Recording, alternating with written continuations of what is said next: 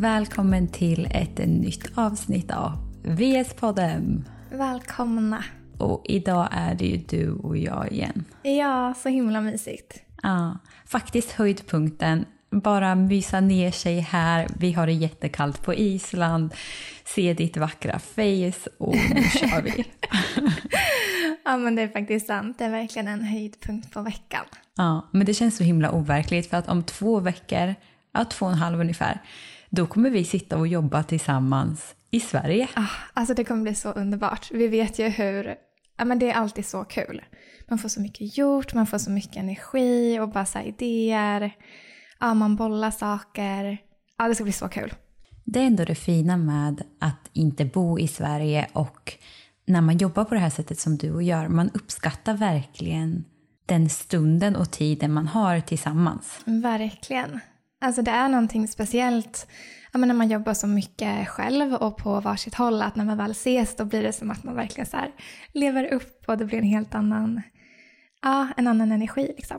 Det är väldigt, väldigt, mm. väldigt kul. Och som du säger, man ser verkligen fram emot det. Mm. Två veckor, det är verkligen ingenting. Men Sara, vill du ge oss en update på hur du mår?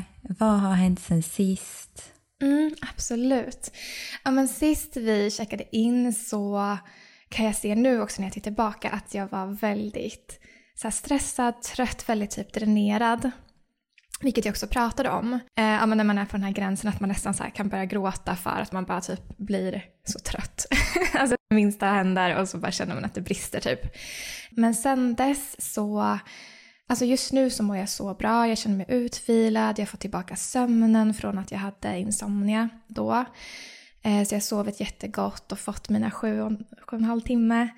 Och en stor bidragande faktor är dels att jag har mindre stress i form av att renoveringen tar inte lika mycket fokus just nu och det har bara blivit lite lugnare ehm, på flera fronter.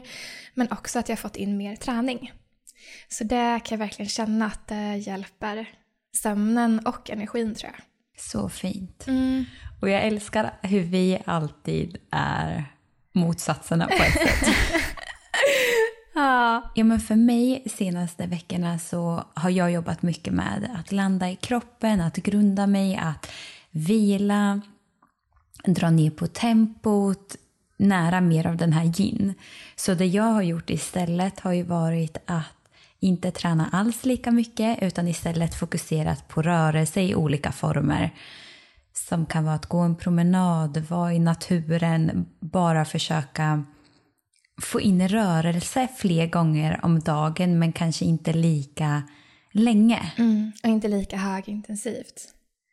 Nej men precis, mm. utan det kan istället vara för mig att eh, ja, men jag går en promenad eller att jag eh, bara sätter mig fem minuter och rör mig lite på yogamattan eller sån typ av rörelse. Mm, men det är så viktigt. Och det är ju dels, den biten är nog viktig för de flesta som har stillasittande jobb som vi har. Att bara ta korta promenader. Det har jag också försökt att vara bättre på. Att bara säga, det räcker med fem tio minuter. Det behöver inte vara liksom en halvtimmes promenad heller. Men precis som du säger, motsatsen är att jag har försökt få in mer högintensiv träning för att det är vad min kropp har behövt.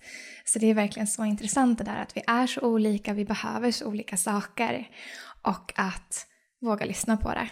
Verkligen, och det tänker jag för er som lyssnar att varken jag eller Sara, det vi delar med oss av är ju något form av facit. Verkligen inte. Utan vi vill ju bara inspirera att vissa saker har fungerat för oss och sen får ni plocka med er det som resonerar med er. Men jag tror att det är ändå roligt med tanke på att vi är så himla olika. Så jag tror att det finns personer som lyssnar som antingen identifierar sig mer med mig eller identifierar sig mer med dig. Mm. Och att man då kan inspireras. För, någon, för, för, några personer kan det säkert handla om att få in mer rörelse och träning. Men för andra personer handlar det om att minska den mängden. Exakt. Ja, men jag hoppas verkligen att man kan hitta igenkänning på olika håll med tanke på att vi är så olika. Verkligen. Ja, och det pratade jag om med en kompis i morse. Vi tränade och hon sa att hon lyssnade på podden. Kul. Och då sa hon det just kopplat till stress. Att vad som är stress för någon och vad som får en att bli lugn kan ju vara så olika saker. Och det är så himla viktigt att lyssna in vad, vad får mig att känna mig lugn, njuta, komma ner i varv. För det är verkligen så olika. Mm. Ja, men verkligen. Och på andra sidan också att vad får mig att bli stressad och att inte känna någon typ skuld eller skam i vad som får en själv att bli stressad. För som du säger, det kan ju vara så olika att jag kan bli stressad över saker som du inte blir stressad över. Eller som jag var inne på tror jag, i förra avsnittet att så här, ens partner kanske har en helt annan stresstolerans eller blir stressad av helt andra saker. Och att då inte typ värdera det att ja, men jag blir stressad över det här. Det är typ att jag skäms för det. Förstår du vad jag menar? Ja, och Oliver blir inte stressad för något. Det är helt sjukt. Men, nej, men det är den lugnaste människan som finns på denna jord. Jag har aldrig sett honom stressad. Ja, men det, ja. det finns inte i hans... Alltså, det finns inte. Nej. Det är helt sjukt. Så han måste ju, han måste ju fundera på ibland. Vad springer hon runt och gör nu? Ja men det är väl superbra, han grundar dig. ja, det är faktiskt bra. Men idag ska vi prata om ett ämne som vi har pratat så himla mycket om senaste tiden. Mm. Miljö, gifter, bara de sakerna på ett väldigt lätt sätt. För vi har ju diskuterat det här så mycket i telefon uh. och på meddelande. Vi skickar saker hela tiden. Så därför kändes det som att vi behöver lyfta det här. Verkligen. Alltså det här som vi har varit inne på vissa inlägg innan men som vi som sagt har pratat om väldigt mycket du och jag. Att vi pratar ju mycket om så här, vad man äter och vad man får i sig för någonting via maten och hur det påverkar kroppen. Men man får ju också i sig så mycket via huden, via slemhinnorna, via luftvägarna. Och det lyfts inte så mycket som det borde med tanke på hur stor impact det faktiskt har. Ja, det är helt sjukt. Och för mig, jag har ju verkligen varit på den sidan där jag alltid har nördat ner mig i mat, nu med det här återhämtning, stress, hur påverkar det oss och träning? Men en dimension som jag inte har lagt mycket tid på det är ju just den här miljöaspekten. Hur påverkar saker i min vardag när det kommer till vad sätter jag på min kropp? Vad använder jag för verktyg i köket? Vad dricker jag mitt vatten ur? Vad sätter jag på huden? Och det är det som är så sjukt att de här produkterna använder vi varje, varje dag. Och vi kan använda så himla många olika produkter. Vilket gör att vi exponeras för så många olika ämnen. Exakt. Det var ju det vi var inne på med Johanna Gillebro i hudavsnittet bland annat. Att man kanske har 10-12 olika produkter bara i ansiktet eller i håret. Att man har ja, någon kräm, någon olja, någon spray, en till spray. Att den ackumulerade mängden blir enorm. Mm. Och jag förstår för de som lyssnar, för på ett sätt, det här kan ibland göra mig stressad. Att okej, okay, vadå, alla de här sakerna påverkar mig. Men någonting som jag har kunnat vila så mycket i utifrån när jag har lärt mig mer och de vi har intervjuat och där vi har pratat om, det är just det här med minimera och minimalistiskt. Vilket för mig blir en befrielse när det kommer till om jag kollar på hemmet, vad liksom applicerar jag på min kropp, hur kommer det till smink, ja men hela den här biten. Men om vi börjar liksom i rätt ände. När det kommer till saker vi applicerar på huden, andas in, allt det här du var inne på i början. På vilket sätt kan det påverka oss? Um, dels så kan det ju vara hormonstörande. Och det är ju bland annat en av anledningarna till att vi har sett att infertilitet har ökat eller fertilitet har minskat. Och det beror ju på de här hormonstörande ämnena. Men det kan ju också vara att de är, eh, alltså Vissa farliga ämnen ger typ så mutationer, kan också framkalla cancer, så att det finns ju verkligen alltså en bredd med eh, hälsorisker från beroende på vilka ämnen det är. Mm. Och sen här i Sverige eller i EU så är vi ju ganska skonade från vissa av de här superfarliga ämnena. För jag har läst flera böcker kring ämnet och då är de ju framförallt skrivna i USA och där är det ju inte alls samma riktlinjer och regler. Och där kan man ju till exempel få i det här BPA som i Sverige inte tillåts. Så på ett sätt är vi skonade men fortfarande mm. får vi i oss ämnen i mikrodoser. Och det är det som blir utmanande för varje dag så applicerar vi någonting eller tillför någonting till vår kropp som kanske inte ger värsta symptomen direkt utan det kan ju bli mer ur ett långsiktigt perspektiv. Mm, precis, jag tänker på det du var inne på. Vi kan nämna att i EU så har vi två stycken lagar som heter kosmetikaförordningen och REACH. Och de styr vad som får finnas i en kosmetisk produkt och vad som är förbjudet. Och då är det de här farliga ämnena som vi var inne på. Och att i EU också så måste alla ingredienser skrivas ut på förpackningen. Och det är en regel som annars bara finns för mat. Ja, men det här med att skriva ut saker på förpackningen. Eftersom att vi släpper vår body lotion och body wash så vi har gjort en transparenslista där vi beskriver varje ingrediens och vad det betyder på svenska och också vad, vad det egentligen innebär. För att ärligt talat, vem kan läsa av innehållsförteckningen på hudvård eller Alltså det är helt omöjligt, mm. man fattar ju inte någonting. Nej, alltså det är så, så svåra begrepp. Och det är det här också att så här, trots hårda lagar så finns det också ämnen som inte är undersökta ännu. Och det finns också vissa ämnen som man inte vet om de ska förbjudas eller inte för att de har inte fått förbuden på plats än. Så att ja, det är ju det också att absolut, man har förbjudit mycket och man har innehållsförteckning men vissa ämnen känner man inte till vart de står. Men som du säger att även om det finns innehållsförteckningar så är det ju så svårt att tyda. Så att ja, vi har jobbat jättehårt med den här transparenslistan för att man faktiskt ska kunna få lite mer klarhet. Mm, det är så viktigt. Men kan inte du nämna, för att du läser ju en bok just nu. Mm, exakt. Kan inte du bara berätta lite kring det? Jo, jag läser boken Invisible Women och den här är Alltså den borde alla läsa, den är så sjukt intressant och den går in på många olika områden men ett område som de ju går in på är det här med gifter. Och gifter i form av till exempel i arbetslivet, att det är många kvinnor som jobbar i branscher där man utsätts för mycket gifter. Som till exempel om man jobbar som nageltekniker och gör liksom nagelförlängningar och sådana saker. Eller om man jobbar som städerska, då utsätts man ju för massor av rengöringsmedel och allt vad det är.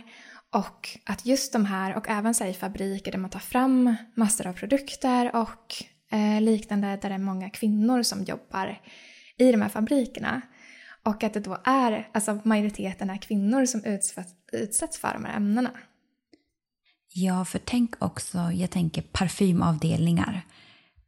Om man kommer in på Åhléns, hur många killar är det som jobbar där? Mm. Så när det kommer till smink, parfym, det är ju så många kvinnor som arbetar med de sakerna också, där vi exponeras för det här. Precis.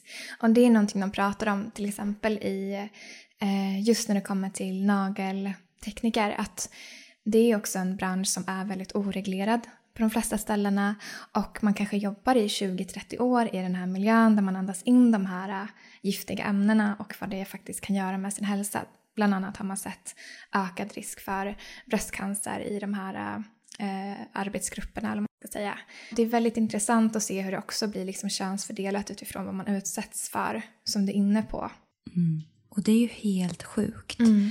För förutom att man exponeras i det i form av att man arbetar med de sakerna så är det oftast också kvinnor som använder fler produkter som innehåller mer gifter än män också. Mm, verkligen ja, men som vi var inne på med hårvård, hudvård, smink, alla de delarna. Ja. För tänk en kille till exempel, det är ju inte så, oftast i deras hudvårdsrutin, de kanske har en ansiktstvätt och en ansiktskräm. Mm. Och det är inte så ofta de kanske smörjer in hela kroppen.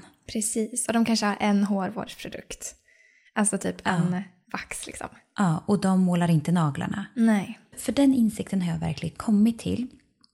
Och nu i veckan så frågade jag mina följare om just smink. Mm, Naturligt intressant. smink som inte innehåller gifter.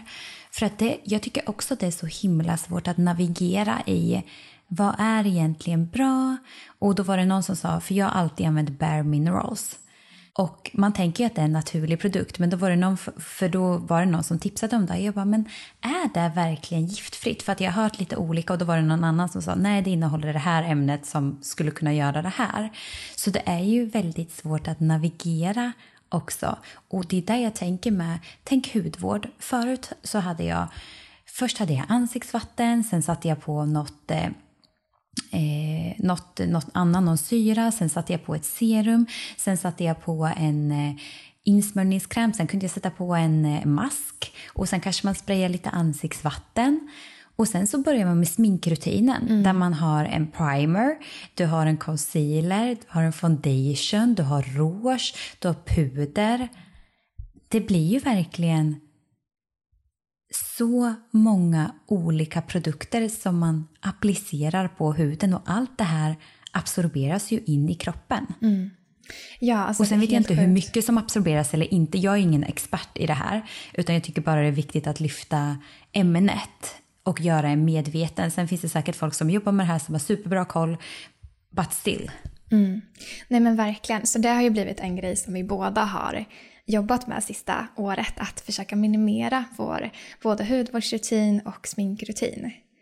Hur, på vilket sätt har du gjort det? Vad, hur många produkter använder du nu? Nej, men jag använder ju Skinoms produkter. Mm. Och jag tror att det här är ju verkligen ingen reklam på det sättet, men vi är ju sponsrade av dem och jag tror att koden räcker till och med ja, en vecka framåt som någon vill använda det. Så jag använder ju Skinom och då är det egentligen en dagkräm, det är en nattkräm och sen så är det en rengöring. Så det är egentligen den jag använder. Sen ibland kan jag använda en ansiktsmask. Så från att ha gått från alla de här stegen till det här. Och sen så när det kommer till dusch, alltså duschkräm, alltså tvål och body lotion så har jag, det är jättesvårt på Island. Det finns inte många bra märken så jag mm. längtar så efter våra produkter. Ah. Jag, det har knappt inte gått att hitta någon utan parfym. Oj. För jag har ju verkligen förstått nu att parfym, ja man kan få i sig över 300 ämnen genom parfym. Så um, där har jag strävat efter eh, doftfritt, mm. helt enkelt. Så där har jag gjort och sen så där använder jag egentligen bara ja, men en tvål. Och det är också sen när det kommer till tvål att jag försöker att inte smörja in hela kroppen med tvål. För det behövs inte för att jag vill ju ha kvar allting där som finns på huden. Men till exempel rakar jag benen, ja då behöver jag någon form av tvål till exempel. Eller om jag har tränat och känner att ja, jag behöver det. Så jag, för min del så handlar det också om att minimera. För förut var det bara av ren rutin att man körde in hela kroppen med tvål till exempel. Precis, för det är både mm. minimera antal produkter men också mängd produkt. Mm. Mm. Verkligen. Så det är väl någonting som jag jobbat mycket med i hudvården. Sen på Island, jag sminkar mig typ en gång i veckan så det har ju blivit mer naturligt med tanke på att jag jobbar hemifrån. Men där är det ju verkligen vilka produkter jag använder som jag blivit mer medveten om. Och en av de största sakerna som jag har gjort eh, förändring i, det är just förut så körde jag alltid parfym direkt på huden. För att jag använder fortfarande parfym, eh, även om vi säger att ja, parfym det innehåller väldigt mycket men det som jag har gjort ett medvetet val då är att mer spruta parfym på kläder eller i håret mer. Mm. Det är jättebra tips. Mm. Vad har du gjort? Um, nej men väldigt liknande i form av att uh, minska antalet. Jag var också inne på så här Korean, skincare, 11 steg eh, förut. Eh, men nu kör jag också skinnoms och då är det ja, en rengöring, dagkräm, nattkräm och så är det en typ kvällsnattserumaktig. Men det är det enda hudvårdsrutinen. Smink, där försöker jag tänka på att också köpa oparfumerat. För det är mycket parfym även i smink. Men där... Oj, jag har inte tänkt så långt. Mm, det, det har jag faktiskt tänkt på att så här, vissa sminkgrejer luktar ju liksom supergott. Vilket ju egentligen inte bidrar till någonting. Um, men däremot så har jag inte bytt till de här kanske bättre märkena än. Så det känns som att det är nästa steg för mig att kolla vilka du fick tips på och uh, gå in för det. Mm. Um, för kroppen så är det samma sak att använda en duschkräm och en body lotion och det är ju våra nu då. Jag har fortfarande kvar prover också som jag använder från våran från fabriken. Jag är så avis. Ja. Um, men där, och det är faktiskt, um, jag har varit inne på det innan, men min mamma har alltid varit väldigt noga sådär med att inte använda för mycket produkter. Hon har alltid varit väldigt mån om miljön. Så att jag har lärt mig från att jag var liten att alltid använda väldigt lite produkt att bara liksom använda i armhålorna och där man kanske har svettats och inte ta onödigt mycket schampo eller onödigt mycket duschtvål. Och samma sak med bodylotion, att är jag inte torr på hela kroppen behöver jag inte smörja in hela kroppen. Så det försöker jag hålla fast vid. Ehm, för det finns ju liksom så många positiva aspekter av att försöka minimera. Men sen också håret. Där fick jag en sån, jag har använt sån blond torrschampo i så många år. Och där är det både alltså färgämnen, det är parfym och sen vad det är i, har ingen aning om utöver det. Men där fick jag en sån, ja, riktig sån, eh, ja, att jag bara det här måste jag sluta med för det här andas jag in varje dag.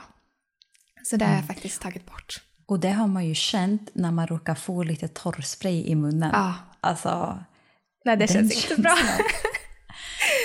Nej, och det är också om man kollar på håret att nu fixar inte jag håret så ofta, men när man är i Sverige och vill fixa till det eller vad som helst, då är det ju fortfarande igen att det är ju kanske fyra olika produkter. Mm. Precis, och där har jag också försökt att tänka att gå från sprayer till mer krämer. Så nu istället för att ha ja, men hårspray, torrschampo, ja, alla möjliga sprayer så har jag istället typ en kräm. Så att man inte får det i luften i alla fall. Mm. Och jag kan tänka mig för er som lyssnar nu att man tänker, men vilken kräm? Alltså det är ändå ett stort projekt. Verkligen. Att byta ut alla de här sakerna. Men vet ni vad det bästa är? Att vi jobbar på som bara den för att skapa en komplett kollektion som ska vara bra för oss, där ni inte behöver tänka. Exakt. Där ni bara kan veta att här finns de här sakerna. Jag behöver egentligen inte kolla ingredienslistan, jag vet bara att det här är bra. Så vi jobbar på det. Ja. Så, så stay tuned, det kommer. Verkligen. Vi eh, jobbar hårt för det, för det känns som att eh, ja, det saknas och behövs. Mm. Men det känns ändå som de största sakerna är ju de sakerna man använder varje dag. Och för mig är det till exempel body lotion, tvål, också hudvård i ansiktet, och sen blir det ju egentligen smink och många använder det och parfym. Mm. Men jag läser en bok nu eh, och, då pra och det är ju kring graviditet för jag gör research för VS. Och det de pratar mycket om där är ju också nagellack. Ja, exakt. Och det är faktiskt, jag har faktiskt inte använt nagellack på flera år nu. Knappt jag heller. Jag har på tånaglarna då. Aha, för att de är så äckliga. Fotbollsfötter. inte nice. Jaha, jag är mer såhär, vem ser mina tår? jag skiter i. Ja ah, Okej, okay. men det är faktiskt, alltså nu har jag vant mig. Jag har inte haft nagellack på flera år och innan hade jag i och för sig också alltid bara genomskinligt nagellack. Så jag har alltid gillat den typ ganska så här bare looken. Eh, så jag fattar för de som älskar att göra sina naglar att det känns som ett så här, kanske big no-no att bara jag vill inte sluta göra dem. Och det är samma, man får ju såklart, ah, man får ju välja sina saker. Jag förstår om man älskar, att, älskar känslan av naglarna. Men det är också vanesak, att nu har jag också vant mig vid hur mina naglar ser ut. Man kan ju fortfarande så ha en fin form och ja, att de ser fräscha ut liksom. Ja, men sen till exempel både du och jag färgar i håret. Exakt. Och hur, hur bra är det egentligen? Nej, man väljer sina, sina saker. Sist när du skulle färga håret så hade vi precis... Och spela in med Cecilia. Precis. Ja. Och du hade ju sån jävla ångest. Du bara, ska jag verkligen gå och färga håret? Ja, ah, gud jag höll på att ställa in. Jag skulle dit typ en halvtimme efter. Nej, så att någon, jag tror att det är jätteviktigt att gå in i dig själv, vad resonerar för dig med mer medvetenheten. För det är där jag känner det är så viktigt att oftast, vi har ju bara en föreställning av att alla de här produkterna, att det bara ska vara bra för oss. Men det är därför viktigt bara att bli medveten om hur det skulle kunna påverka så att man kan göra ett medvetet val. Precis. För vad man ens väljer spelar ju ingen roll. Det är inget rätt eller fel i det. Nej, men det är samma som när vi pratar om allt som har med menscykeln att göra och kunskapen där. Att det handlar om att bara känna att man är informerad och kan ta ett val utifrån att man har en tillräckligt alltså, stor förståelse för det. Eh, och det är precis samma med det här, att när man förstår och kan eh, ja, ta ett aktivt val så ja, så blir det ju så blir man, känner man sig inte lurad eller liksom att man inte har blivit upplyst om de här sakerna. För lite så känns det när man läser de här sakerna och bara herregud, hur kunde jag inte veta om det här eller hur har jag liksom, hur har det här förbigått mig hela mitt liv? Och det är väl det man kan ta med sig i form av att det vi gör varje dag, eller de sakerna vi använder väldigt mycket, det är det som kommer påverka i slutändan oavsett vilken livsstilsförändring det är. Är det så att man dricker fyra koppar kaffe varje dag eller handlar det om att man gör det två gånger i veckan? Det är väldigt stor skillnad. Eller är det så att man har 80-20 regeln, filosofin, jag tycker inte om regler, men filosofin, då är ju också det istället för att det är tvärtom. Så jag tror någonstans igen så handlar det om hur mycket använder vi någonting eller exponeras i det. Och att det, det är det som gör skillnaden. Så kan man hitta de här sakerna eh, som man använder mycket och byta ut det så kommer det göra så, så stor skillnad. Precis, det kommer man jättelångt med. Som du säger, det man gör ofta och över tid. Eh, det är där det gör störst skillnad. I dagens avsnitt vill vi tacka vår magiska sponsor Enika Superfoods. Ja, vi är så glada för det här samarbetet och för er som aldrig har talat om Inika så är det ett nytt svenskt holistiskt brand som precis som Women's Inc är grundat av kvinnor. Mm. Och anledningen till att vi älskar Unika är ju för att deras produkter är gjorda på naturliga ingredienser och att de är helt fria från tillsatser. Mm, det här är så viktigt för oss. Och vi satt ju precis och tog en kopp chica roast och en bar. Och då kom ju vi in på det här att vi har ju under ja, men ganska många år pratat om att vi längtat efter en bar som innehåller bra saker. Verkligen. För ibland är det ju så att man bara vill ha någonting snabbt och enkelt. Och det har ju verkligen inte varit lätt att hitta ett bra alternativ som har bra innehåll. Nej, alltså det har typ inte funnits innan. Nej. Och Inika har tre smaker på sina bars. Så om du älskar kokos och choklad så kommer du älska deras Coconut Chocolate Bar som bland annat innehåller kokos, kakao, MCT-olja och cikoria. Mm, alltså den är underbar. Mm. Och deras Almond Chocolate Bar är också helt otrolig om det är så att du älskar choklad. Och när det kommer till smaker, jag går alltid till choklad. Jag skulle säga att den här är perfekt för mig när jag kan få ett sötsug i fas 3. Mm, oslagbar.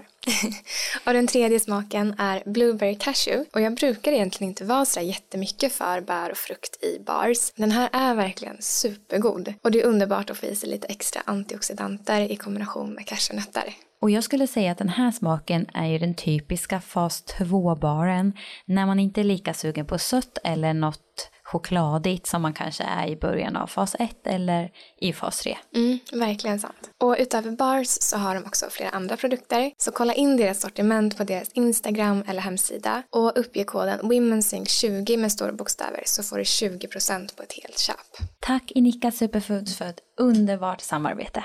Tack.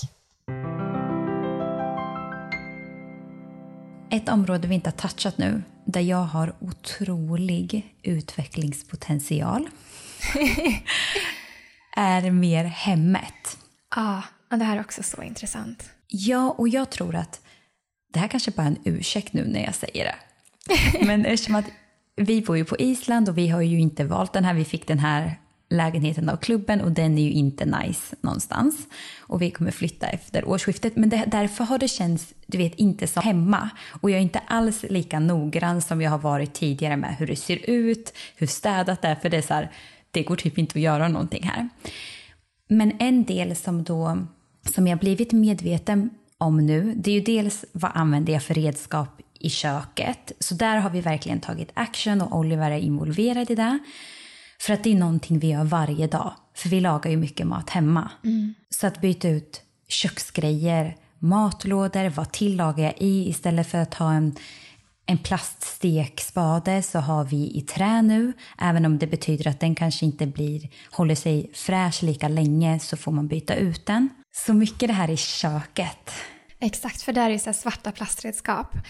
Tyvärr så är ju svart plast den värsta plasten.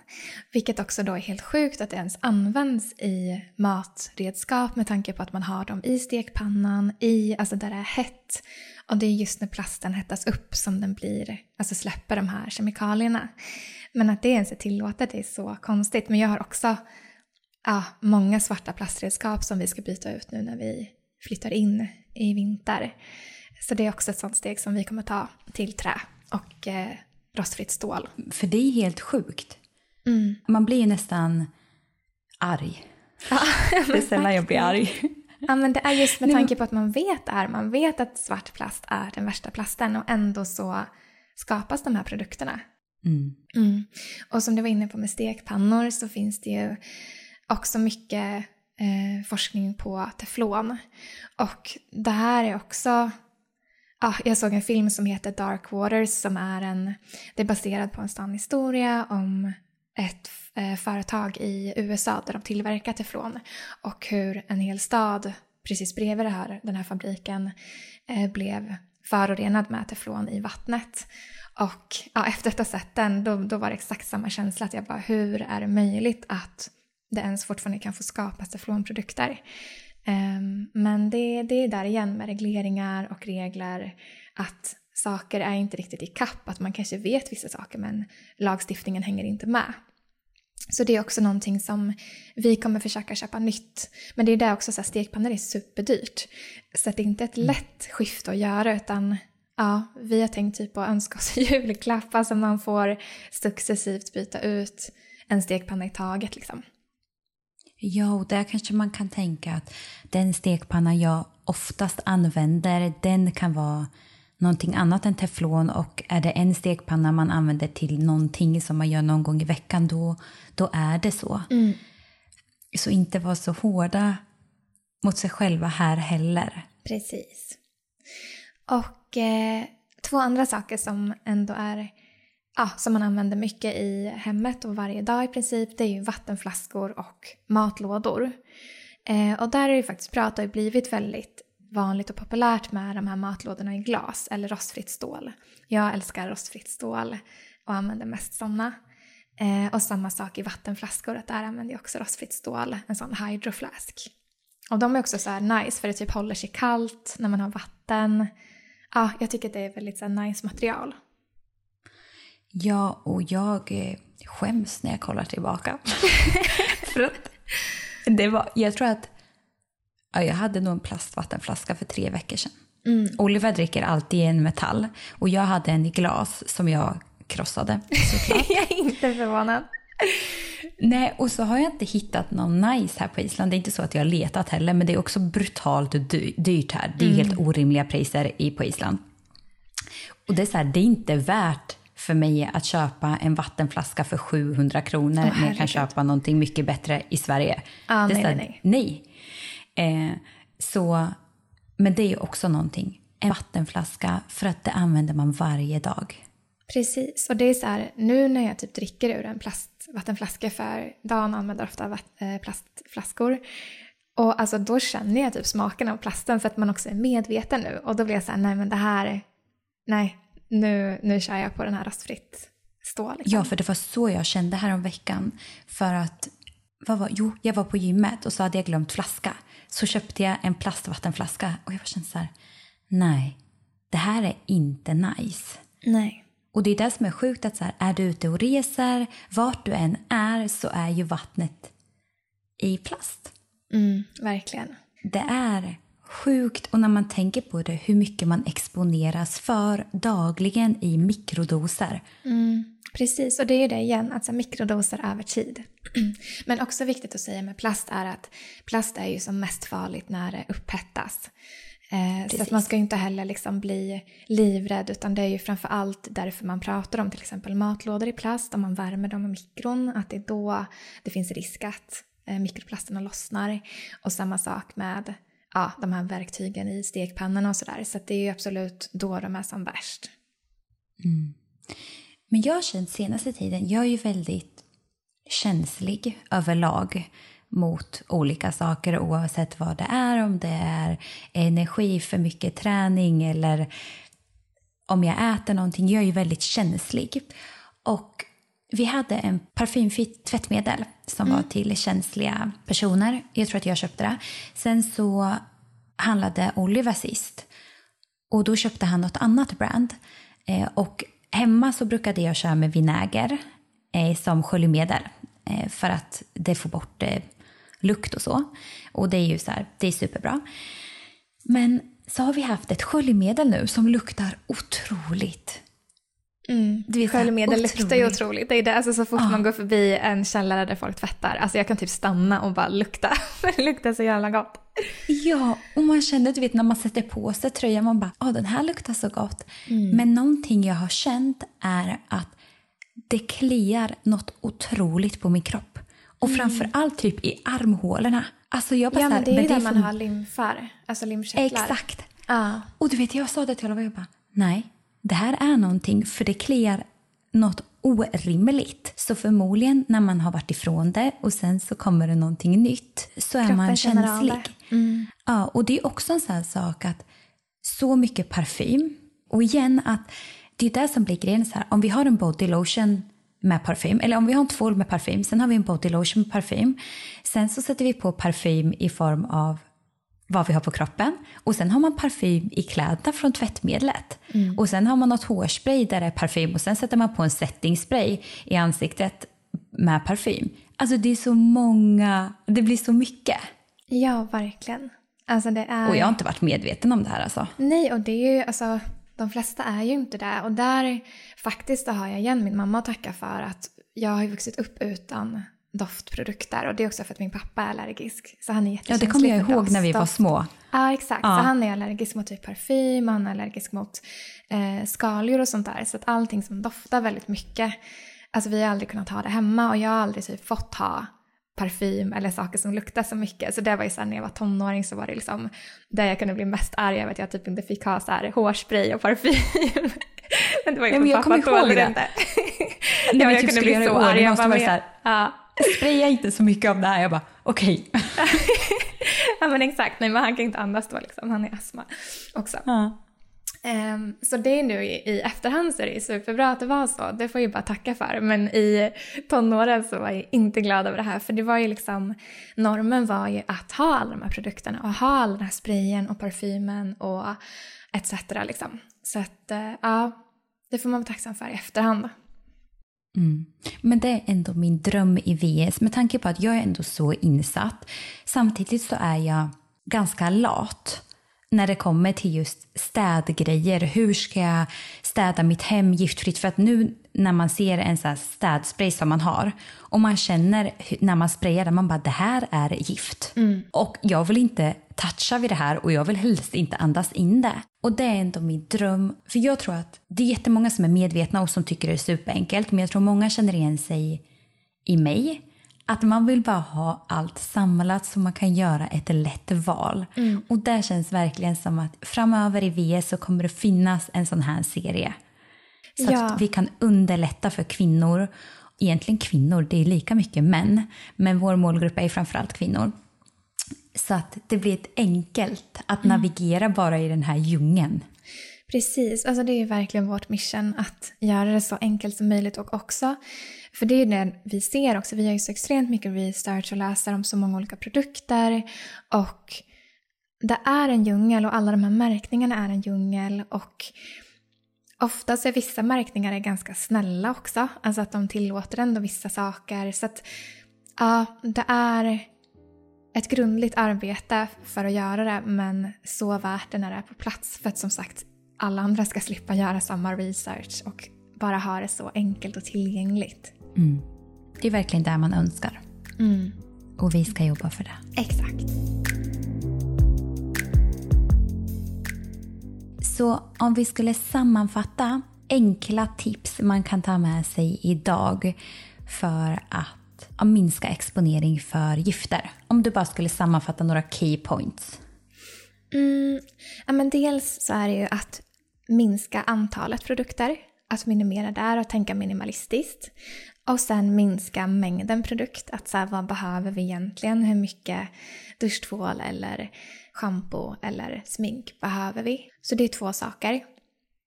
Och sen byta ut plast, framförallt svart plast. Fokusera på glas, trä, rostfritt stål och även försöka byta ut stekpannor till material som inte är teflon. Det här är ju ändå perfekta julklappar. Det är ju snart julafton. Verkligen. Och vår så body lotion och duschtvål kommer ni ha ett otroligt alternativ här framöver som ni kan önska er i julklapp. Vi kommer lansera i mitten på november. Alltså, jag längtar något brutalt. Det här jag känns vet. Vi har jobbat på den här produkten i över ett år. Så att, och nu när jag är så medveten då är det så här, det är ingen produkt på Island som kvalificerar sig att ens finnas i mitt hem och lägga pengar på.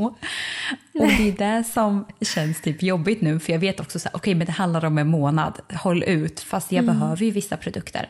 Och det är också en sak jag tycker är viktig att lyfta. Nu, vi kommer säkert prata om våra produkter framöver, men vi har ju valt att göra um, större förpackningar. Ja. Och det är ju framför allt ur ett miljöperspektiv också. Precis, att man inte slänger massa förpackningar för att de är så små. Mm. Och sen, vi har ju kortare hållbarhet också för att vi har valt att göra ja, men en så naturlig produkt som möjligt som ändå ska uppfylla de kraven vi har. Mm. Och helt parfymfri. Precis. Och mm. samtidigt så har vi verkligen jobbat med hur de känns. Så att är, vi har ju inte tummat på att de också ska vara, alltså kännas lena mot huden, ha en skön känsla och också fungera. Alltså typ som bodylotionen, att den verkligen, alltså man blir verkligen len och mjuk. Det ja. återfuktar. Så de funkar ju verkligen också. Ja, och de är ju så dryga. Vi fick ju en flaska var på typ så 200 milligram. Ja, 100 milliliter tror jag det var. Ja, 100 milliliter. Ja. Och det är så här, de har räckt så länge, mina i Sverige. Men det är också att, typ som duschtvålen, om jag tar en pump, då räcker det för mig för att raka mina ben. Mm. Så det, den är väldigt dryg. Så att vi satt ju faktiskt och räknade på för att vi tycker att det är kul. Ja. Att, Okej, men hur länge, hur, hur länge räcker egentligen body lotion och hur länge räcker tvålen? Sen är det ju såklart individuellt för vissa kanske känner att jag vill ha mer och vissa känner att man vill ha mindre. Men det vi kom fram till var ju att tvålen baserat på hur mycket vi tar skulle ju räcka mellan typ 68 månader mm. för en person då. Mm. Alltså det är ändå sjukt länge eller? Det är ju helt otroligt länge. Alltså jag har varit chockad. Men det är ju som ja. sagt, man behövde ju bara en pump av den. Så den är ju ja. väldigt dryg. Och bodylotionen, då räknar vi på typ fyra pump, pumpar va? Ja. ja. Och då skulle den räcka i fyra månader om man också använder den varje dag. Och det är inte säkert att man använder produkterna varje dag. Precis, så för jag dig, använder jag inte bodylotion varje dag. Nej, jag gör ju faktiskt det. För det är väldigt alltså det är torrt här på Island och väldigt kallt. Men då räcker den i fyra månader om jag använder den varje dag. Och för dig som använder bodylotion en till två gånger i veckan, den kommer ju räcka ett år. Ja, alltså det är, det är väldigt bra. Och sen mm. använder man ju såklart mer och mindre i olika perioder och sådär, så det är ju inte några fasta riktlinjer. Men det var ändå intressant att räkna på och se att de faktiskt är dryga. Mm. Jag kan ju tänka mig att för man ser också hur mycket marknadsföring saker och ting är nu. För vi har ju kollat på priser på andra eh, varumärken och det är så här, ofta sätter man en mindre förpackning för då kan du ta ett högre pris till exempel. Mm. Eh, och sen så, för då känner folk, okej okay, men det här är mycket billigare. Så att, för att den är mindre, man tänker inte egentligen hur mycket är det verkligen i det här. Precis, men, och speciellt när man köper saker på nätet och bara ser en bild, man ser inte riktigt hur stor den är. Mm. Och där har ju vi valt igen att okej, okay, för, för, oss är det inte försvarbart att ha en mindre flaska för att kunna ta ett lägre pris, för vi månar ju också om miljön. Precis. Vi kunde inte ha en mindre flaska än så här. Det kändes inte rätt i magen liksom. Mm. Eh, så att, ja, det är ändå många... viktigt att tänka på. Ja, för någonting jag lärde mig från Johanna var ju också det här just med att ibland skapar man ju också produkter som man ska behöva hela tiden.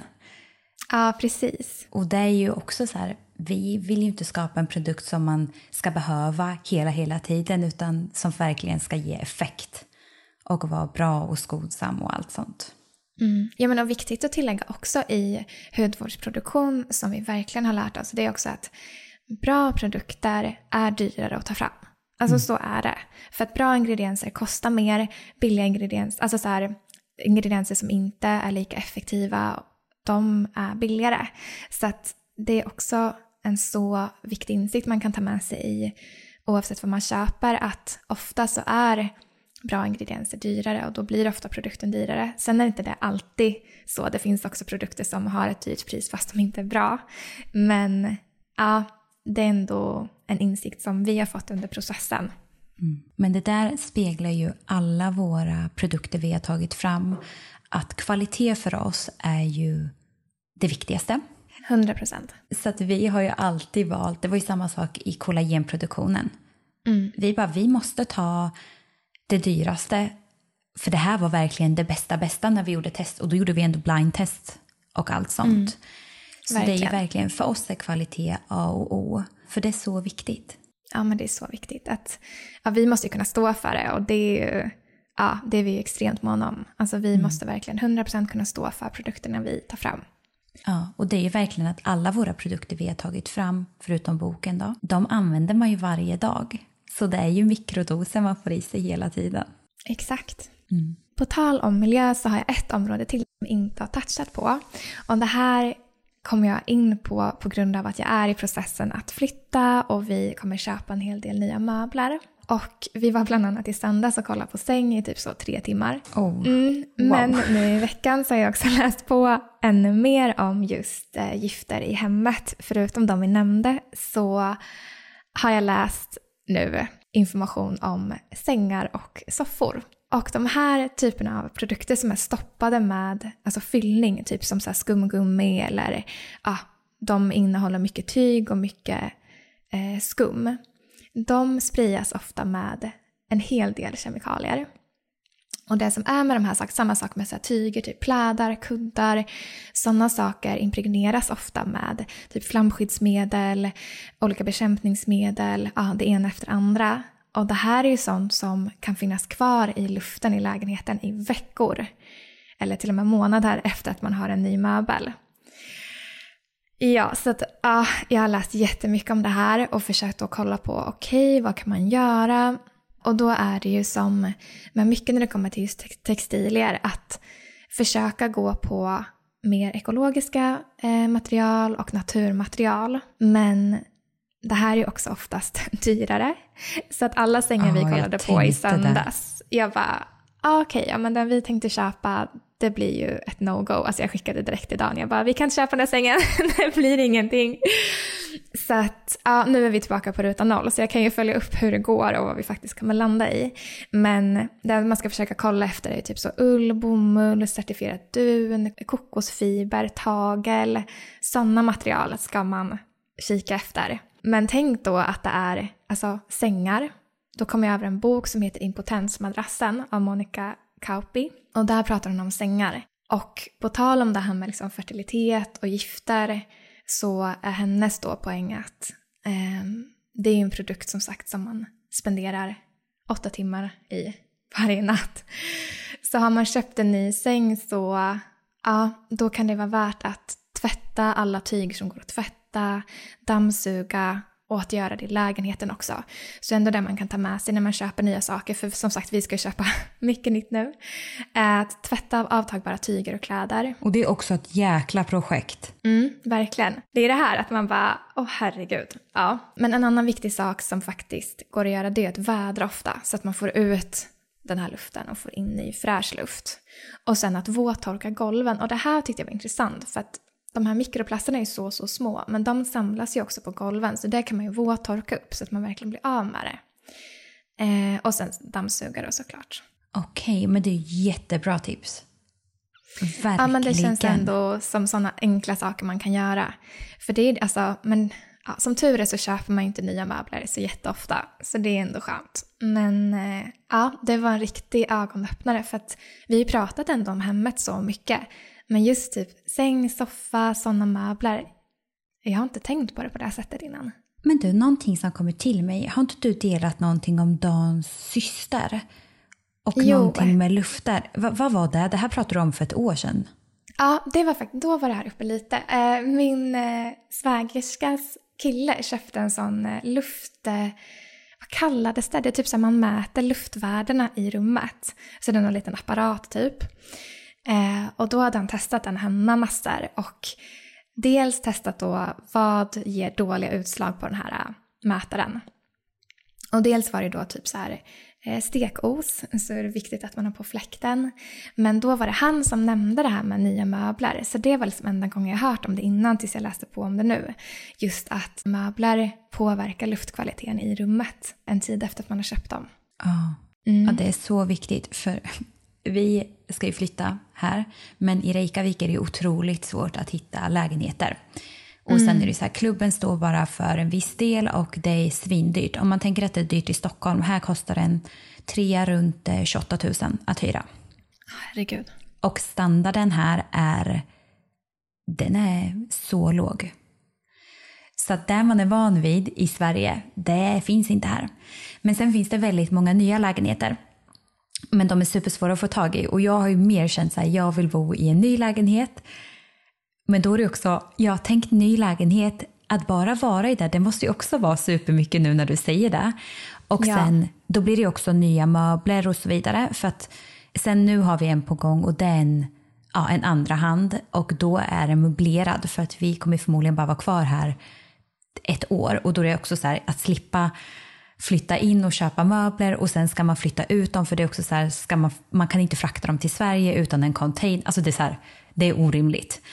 Mm. Men då är det på ett sätt bättre att flytta ja. in i den som är möblerad för att de har ju funnits där. Även om jag kan känna så här, vad äckligt för att det sitter typ kvar energi och grejer i den. Mm. Men det är ju inte sant. Nej, du får tänka på det tvärtom. Exakt. Det kanske var ett sign. Tack Sara för att du gav mig det här. Jag ja, kanske ska säga ja till den här lägenheten ta, nu. Exakt, då kan det smälta det där lite lättare. Nej, men jag läser faktiskt om det också.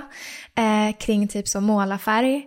De bara väljer eh, miljömärkt, eller vad det var, jag hann inte sätta mig in så jättemycket i just färger. Men det var också en sån sak, vi ska ju måla hela lägenheten. Och du vet, de bara, ja men om du typ gör ett rum till dina barn, vad är viktigt att tänka på? Ja men då var det ju så att så här, vädra ur rummet några dagar innan typ barnet får flytta in. Och det gäller ju såklart oss vuxna också.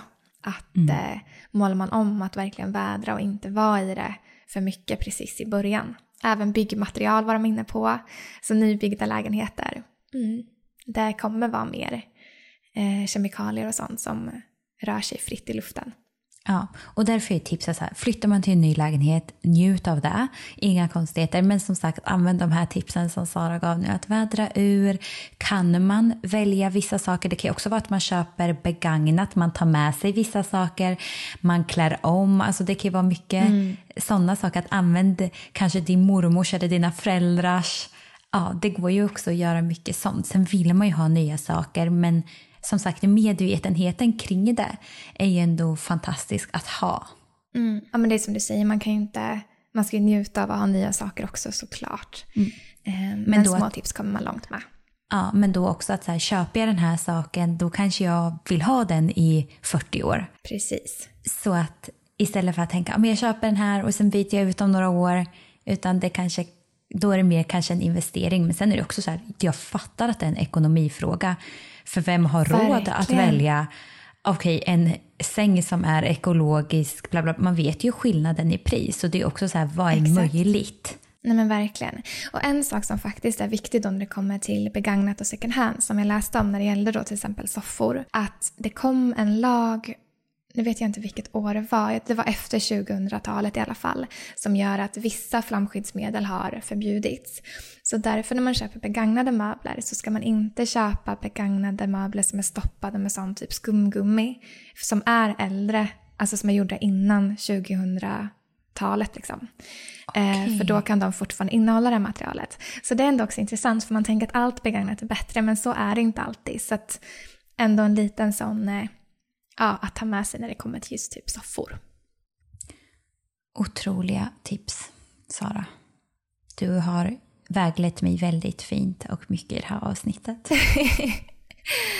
ja, men det känns ändå så viktigt att bara som sagt bli medveten, kunna göra mer medvetna val.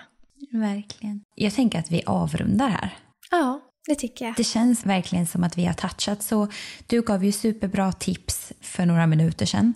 Eh, så att verkligen ta med sig det och också som sagt ta allting med en nypa salt, vad resonerar med dig, men bara medvetenheten kring det gör så stor skillnad och att nästa gång du ska köpa något nytt, att så här, ibland är det inte möjligt att göra det nu, men att vet man att man ska göra det, att då gå efter ett visst alternativ. För att annars kanske man inte tänker på det.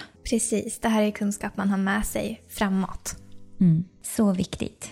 Ja, men tack för ett jättemysigt och informativt samtal. Ja, och så ses vi nästa vecka igen och det kommer komma ut mycket Instagram-content kring det här framöver så att eh, ni kommer kunna navigera enklare när det kommer till just miljöaspekten och tips. Exakt. Vi ses nästa vecka. Massa kärlek!